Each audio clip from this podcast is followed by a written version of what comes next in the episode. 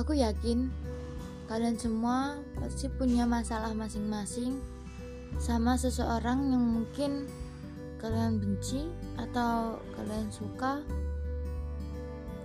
dan kita bersama akan nyari solusi dari masalah kamu di keajaiban dunia. Selamat datang di keajaiban dunia.